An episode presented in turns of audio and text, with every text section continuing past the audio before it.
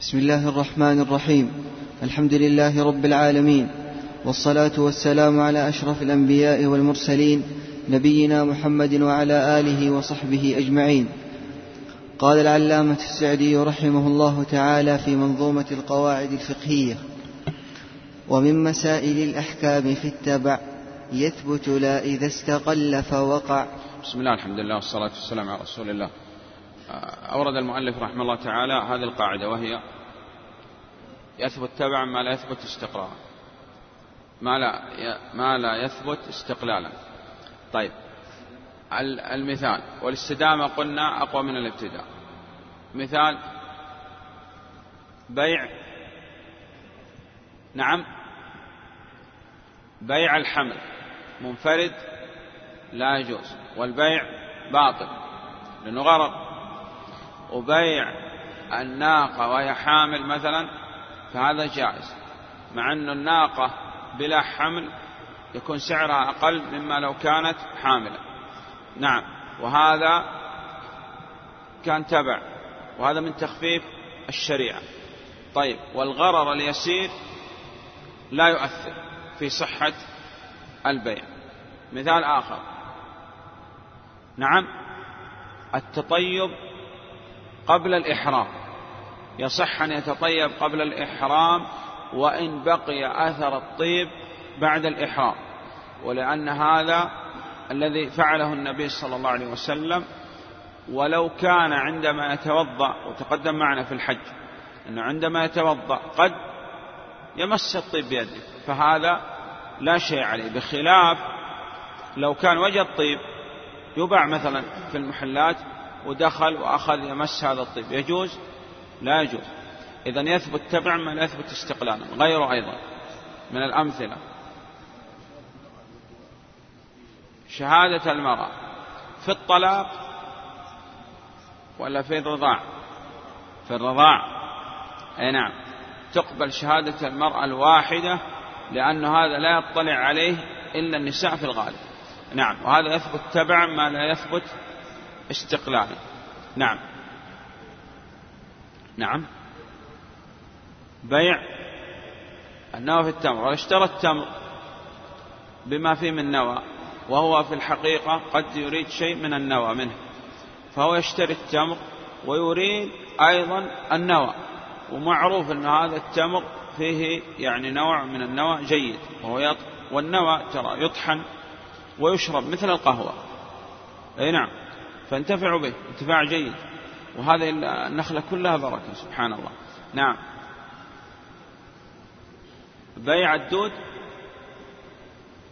أكل الدود أو بيعه وأكله سبحان الله.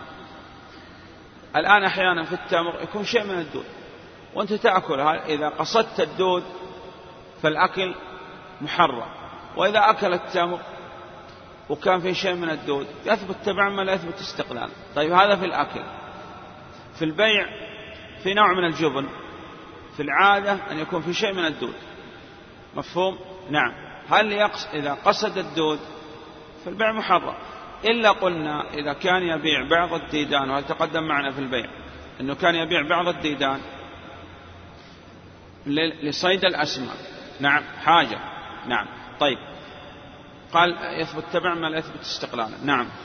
وكذلك إذا باع البيت وقال أن الظاهر عنوان الباطن وأنه لا يعني في أشياء لا يمكن أن يكسر الجدران ويطلع على الأساسات وعلى ما داخل الجدران من يعني الأسلاك الكهربائية وغيرها. نعم.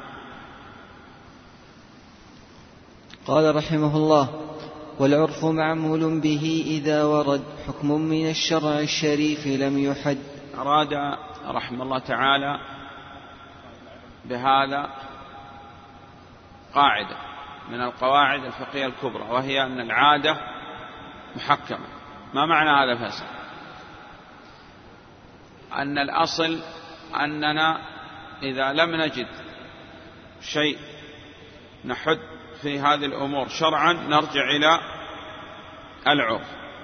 وكل ما أتى ولم يحدد بالشرع كالحرز فبالعرف احددي المرض والسفر النفقة على الزوجات مثلا وغيره. نعم. قال رحمه الله معاجل المحظور قبل آنه قد باء بالخسران مع حرمانه. من استعجل الشيء قبل أوانه عوقب بحرمانه. أمثلة على هذه القاعدة. نعم.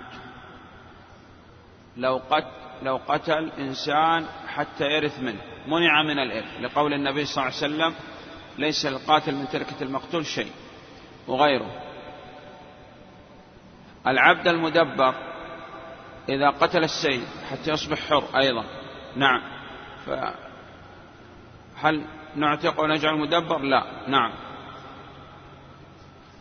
من سافر سفر يريد به الفطر في نهار رمضان. فهذا يمنع أي نعم لأنه متحايل على الشرع. نعم. خرج من مجلس العقد بنية إسقاط الخيار. فهذا يعامل بنقيض قصده ويبقى الخيار. لكن إن تفرق البائع المشتري بغير قصد وجب البيع. وانتهى زمن الخيار ما لم يشترطا يعني يشترط الخيار مدة معينة أو, أو غيره. طيب نعم.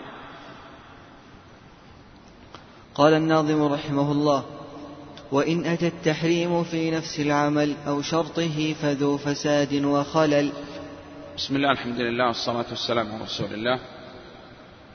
تقدم معنا أن العلماء يذكروا في كل باب الشروط والأركان والواجبات ويذكروا الموانع. وسوف يأتي معنا إن شاء الله تعالى أنه لا يكون الشيء صحيح إلا بتمام الشروط والأركان والواجبات وأن تنتفي عنه الموانع. إذا جاء النهي وكان النهي عائد إلى ذات المنهي عنه أو شرطه فالعمل باطل. وإذا كان وفاسد وإذا كان في أمر خارج عنه فالعمل صحيح مع الإثم إذا كان عالم طيب أمثلة لهذه القاعدة أخذناها في الأصول من علم الأصول. الأول أن يصلي قبل الوقت. فالنهي عائد هنا إلى شرط لأن دخول الوقت شرط في صحة الصلاة فالصلاة باطل. طيب وجود مانع أن صلت المرأة وهي حائض فالصلاة باطلة وإذا كانت عالمة بالحيض فهي آثمة. نعم. وإن كانت لا تعلم وصلت واكتشفت بعد الصلاة فصلاتها باطلة وينتفي عنها التأثيم والزلل. طيب هذا عائد ذات المنهي عنه. أمر خارج. صلى في أرض المقصود. فالغصب محرم سواء داخل أو خارج الصلاة. ولأن الصلاة في الأرض المغصوبة ليس لها علاقة بشروط الصلاة ولا بالموانع. فالصلاة صحيحة وعليه الإثم إثم الغصب داخل وخارج الصلاة. وكذلك لو صلى عليه عمامة حرير على قول أن صلاته لا تصح وعلى القول أن ستر الرأس ليس له علاقة بشروط الصلاة. فالصلاة صحيحة. مع الإثم لبس الحرير. نعم. قال إذا الله أعلم أن أخذنا هذه القاعدة في الأصول من علم الأصول. نعم. قال رحمه الله ومتلف مؤذيه ليس يضمن بعد الدفاع بالتي هي أحسن. متلف مؤذيه ليس يضمن بعد الدفاع بالتي أحسن. أشار إلى قاعدة وهي أن الصائل يعني المتعدي يدفع بالأخف حتى يندفع وإذا كان ما يندفع إلا بالأعلى يندفع بالأعلى. مثاله إذا جاء نسأل الله السلامة والعافية إنسان في بيته ونائم ودخل لص سارق وكسر النافذة ودخل. فهذا صاحب البيت يستطيع أن يدفع هذا بالضرب مثلا أو لو صاح عليه لفر هذا اللص أو يعني كان اللص ليس معه إلا يعني حديدة أو خشبة وكان صاحب البيت معه سلاح مسدس مثلا فهل يقتل مباشرة؟ لا مجرد يرفع فيه السلاح يفر هذا أو يضربه يعني يطلق عليه مثلا لكن لا يقتل يضربه في رجليه مثلا فهذا يندفع بالتي أحسن؟ يندفع. من دفع يقتله. نعم. إذا كان ما يندفع إلا بالقتل قتله. كأن يكون هذا السارق معه سلاح مثلا. وهذا يقول مجرد أن أتأخر لو لحظة قضى علي ومعروف هذا اللص أنه يعني يقتل كذا وهو يعني كل ليلة يدخل إلى بيت ويقتل صاحب البيت. وأنا لا يمكن أن أتأخر ولا ثانية واحدة. فهذا يندفع بالتي هي أحسن. لكن طبعا هذه الأمور إحنا نذكرها بخلاف ما يكون عليه القاضي. القاضي في المحكمة ينظر إلى أمور أكثر من هذا. ينظر آلة القتل والقرائن التي احتفت وكذا. لأنه أحيانا يعني تكون بين رجل وآخر عداوة. إبراهيم وإنسان اعتبر أنه حسن. إبراهيم وحسن بينهم عداوة فأتي إبراهيم إلى حسن قل اسمع. هذه الأمور التي بيننا يعني الأصل أن ننهيها. وأنا والله ما أريد لك إلا كل خير. فتأتيني اليوم من البيت وأصنع لك الطعام ونتفق على كل شيء وننهي ما كان بيننا. الناس الآن يعرفوا أن هناك عداوة بين إبراهيم وحسن. فأتي حسن إلى البيت يقتل إبراهيم مباشرة. ثم يتصل على الشرطة. ماذا حدث؟ قال والله الذي حدث الناس كلها تعرف أن هذا عدو من أعدائي وجاء إلى البيت وهو صائل وما استطعت أن أدفعه إلا بالقتل والحمد لله. فينظر في هذه القضية. مفهوم؟ إذا هناك فرق بين الأمور عندما ندرسها الآن والأمور التي تكون عند القضاة نعم. إذا يدفع بالتي هي أحسن وإذا كان ما يندفع إلا بالقتل قتل. لكن يعني هناك لابد محاسبة من القضاء عندنا والولاة يحاسبه لأنه هذا الأمر قد يكون في نوع من التحايل. ذكر قاعدة لابن رجب نقرأها الآن. نعم. يقول الشرح آخر شيء. قال ابن رجب في قواعده من أتلف شيئا لدفع أذاه له من أتلف شيئا لدفع أذاه له لم يضمنه وإن نعم. أتلفه لدفع أذاه به ضمنه. ما الفرق بين الأول والثاني؟ الفرق يتضح بالمثال. رجل في الحج أحرم وفي مكة وصال عليه بعير. الآن يريد يدفع هذا البعير. فيدفع بالتي أحسن. قال ما يندفع إلا بالقتل. فماذا يصنع؟ أخذنا في الحج. يسمي ها ويقتل. لأنه لو سمى وقتل أصبح هذا مذكى وحلال. صح؟ وهذا من فقه. هذا الرجل. طيب. إذا هذا دفع أذى من؟ أذى هذا له. فهذا لا يضمن رجل في الحج وهذا عندما كان في الحج أوشك على الهلاك مفازة مكان ليس فيه شيء ووجد صيد يأخذه أو يموت. أي نعم يصيد هذا الصيد ويأكله. وهل يضمن؟ نعم يضمن لكن في الأول لا يضمن لأنه في الأول دفع أذاه له. وفي الثاني دفع أذاه به فهذا لا يضمن. وهذا الفرق بالمثال. في قضية واحدة هذا محرم وهذا محرم لكن هناك الأول عندما كان محرم صال عليه البعير وتعدى عليه. ولكن في الثاني لم يتعدى عليه البعير. هو الذي تعدى على البعير لماذا؟ لأنه عنده ضرورة في أخذ الصيد. نعم عيد القاعدة.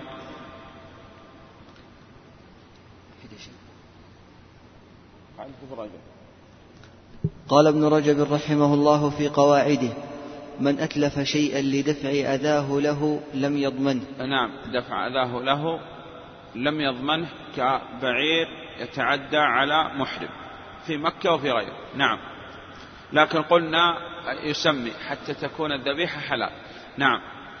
قال وإن أتلفه لدفع أذاه به ضمنه. أي نعم كأن يصيد الصيد وهو محرم لماذا؟ لأنه أوشك على الهلاك. ضرورة. نعم. قال رحمه الله وأل تفيد الكل في العموم. تقدم معنا أن العموم له صيغ وهي الأول ما دل على العموم بمادته مثل كل وجميع وكافة وقاطبة وعامة. الثاني أسماء الموصولة وأسماء الشرط أسماء الاستفهام والنكرة في سياق النهي أو النفي أو الشرط أو استفهام إنكاري وأل الاستغراقية وأل التي الأي أل العهدية إذا كان المعود عام. والنكرة إذا أضيفت تفيد العموم. نعم.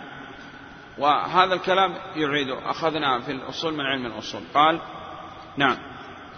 وأل تفيد الكل في العموم في الجمع والإفراد كالعليم؟ نعم ذكر هو كلام على الأسماء والصفات تقرأ الآن في الصفحة الثالثة ومن أمثلة دخول على أسماء. قال العلامة السعدي رحمه الله ومن أمثلة دخول ال على المفرد دخولها على أسماء الله وصفاته. فكلما دخلت على اسم من أسماء الله أو صفة من صفاته أفادت جميع ذلك المعنى واستغرقت وبلغت نهايته كالحي القيوم أي الذي له الحياة الكاملة المستلزمة لصفات الذات والقيومية الكاملة الذي قام بنفسه وقام بجميع الخلق تدبيرا. العليم الذي له العلم الكامل الشامل لكل معلوم. الرحمن الرحيم الذي له الرحمة العامة الواسعة لكل مخلوق الغني الذي له الغنى التام المطلق من جميع الوجوه العلي الأعلى الذي له العلو المطلق من جميع الوجوه العظيم الكبير الجليل الجميل الحميد المجيد الذي له جميع معاني العظمة والكبرياء والجلال والجمال والحمد والمجد. وقس على هذا بقية الأسماء والصفات ولو لم يكن في هذه القاعدة إلا هذا الموضع الشريف لكفى بها شرفا وعظمة. نعم وقلنا هذه عادة يعني علماء السلف أنهم حتى في كتب الفقه والأصول والقواعد يذكروا العقيدة ويركزوا عليها في كل مكان. نعم. قال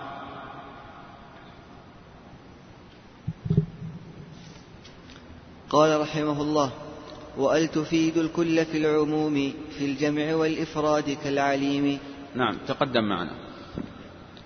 والنكرات في سياق النفي تعطي العموم أو سياق النهي. النكرة في سياق النفي أو النهي أو الشرط أو الاستفهام إنكاري نعم. كذاك من وما تفيدان معا كل العموم يا أخي فاسمعا نعم تقدم معنا. هذا أسماء الشرط أسماء الاستفهام والأسماء الموصولة ذكرنا فيما تقدم. نعم. ومثله المفرد إذ يضاف فافهمه ديت الرشد ما يضاف. قلنا المفرد إذا أضيف يعم أيضا من صيغ العموم المفرد المضاف. نعم. ولا يتم الحكم حتى تجتمع كل الشروط والموانع ترتفع. تقدم معنا أن العبادة لا يمكن تكون صحيحة إلا بتمام الشروط والأركان والواجبات وتنتفي عنه الموانع.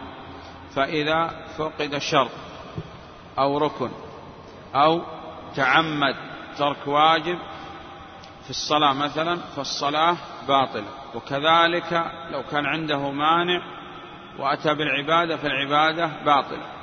وقلنا أن هذه الأمور يعني لا تجعلها في الحج لأن الحج له أحكام خاصة به ومرت معنا. نعم. إذا لا يكون الشيء صحيح إلا بتمام الشروط والأركان والواجبات وتنتفي عنه الموانع. آه، أيضا تقسيم العبادة إلى شروط وأركان وواجبات وموانع وسنن. هذا التقسيم بدعة. لأنه لم يرد في كتاب ولا سنة هذا التقسيم. أن هذا الذي يتكلم بهذا الكلام هو لا يعرف البدعة أصلا. لأننا لا نتقرب لله سبحانه وتعالى بهذا التقسيم. نحن نتقرب لله بالعبادة. والعبادة هي اللي يكون فيها البدعة هذا أولا. ثانيا أن هذا من باب تقريب الأفهام للناس. أنه حتى يفهم ويعرف صحة الصلاة وصحة العبادة من عدم الثالث أن العلماء استقروا نصوص الكتاب والسنة. ووجدوا أن العبادة لا تكون عبادة إلا بهذا. ويذكر على كل شرط وكل ركن وكل واجب وكل مانع دليل. إذا هذا الذي يقول ليس عليه دليل هو الذي لا يعرف الدليل أصلا. نعم. ثم لو فتحنا المجال في هذا الباب معناه أن نلغي كل ما جاء عن العلماء حتى في تقسيم الكلام إلى اسم وفعل وحرف صح؟ إي نعم. طيب. قال رحمه الله ومن أتى بما عليه من عمل قد استحق ما له على العمل. قد استحق ما له على العمل لكن القبول وعدم علم عند الله. وقلنا الصحيح من العبادات ما برئت به الذمة وسقط عنه الطلب. إذا جاء الإنسان وحج إلى بيت الله الحرام وكان هذا الحج أتم فيه الشروط والأركان والواجبات وانتفت عنه الموانع سقطت عنه حجة الإسلام. قبل الحج أم لا؟ هذا لا ندري عنه. لكن نحن نقول أننا نحكم على الظاهر. والظاهر أنه سقطت عنه فريضة الحج صح؟ نعم لأنه أتى بالعبادة تامة شروطه وأركانه وواجباته وانتفت عنه الموانع. فالعبادة صحيحة. صلى إبراهيم صلاة الفجر. وجاء هذا الأستاذ وقال لا لابد أن تعيد هذه الصلاة فالصلاة باطلة. قال لماذا؟ أنا أتيت بالصلاة تامة شروطها وأركانها وواجباتها انتفت عن الموانع.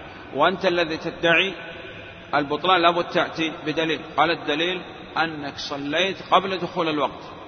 صلى مثلا الساعة الرابعة فالصلاة باطل. أو صلى بغير وضوء. أو صلى ولم يقرأ الفاتحة مثلا فالصلاة باطل. أو صلت المرأة وهي حال وقالت ماذا علي؟ يقول عليك ماذا؟ إذا كان دخل الوقت وأمكنها من أداء ركعة فعليها قضاء الصلاة إذا طهرت. صحيح؟ وإذا لم يكن يعني معها من الوقت مقدار ما تؤدي فيه ركعة فقد سقطت عنها الصلاة. نعم.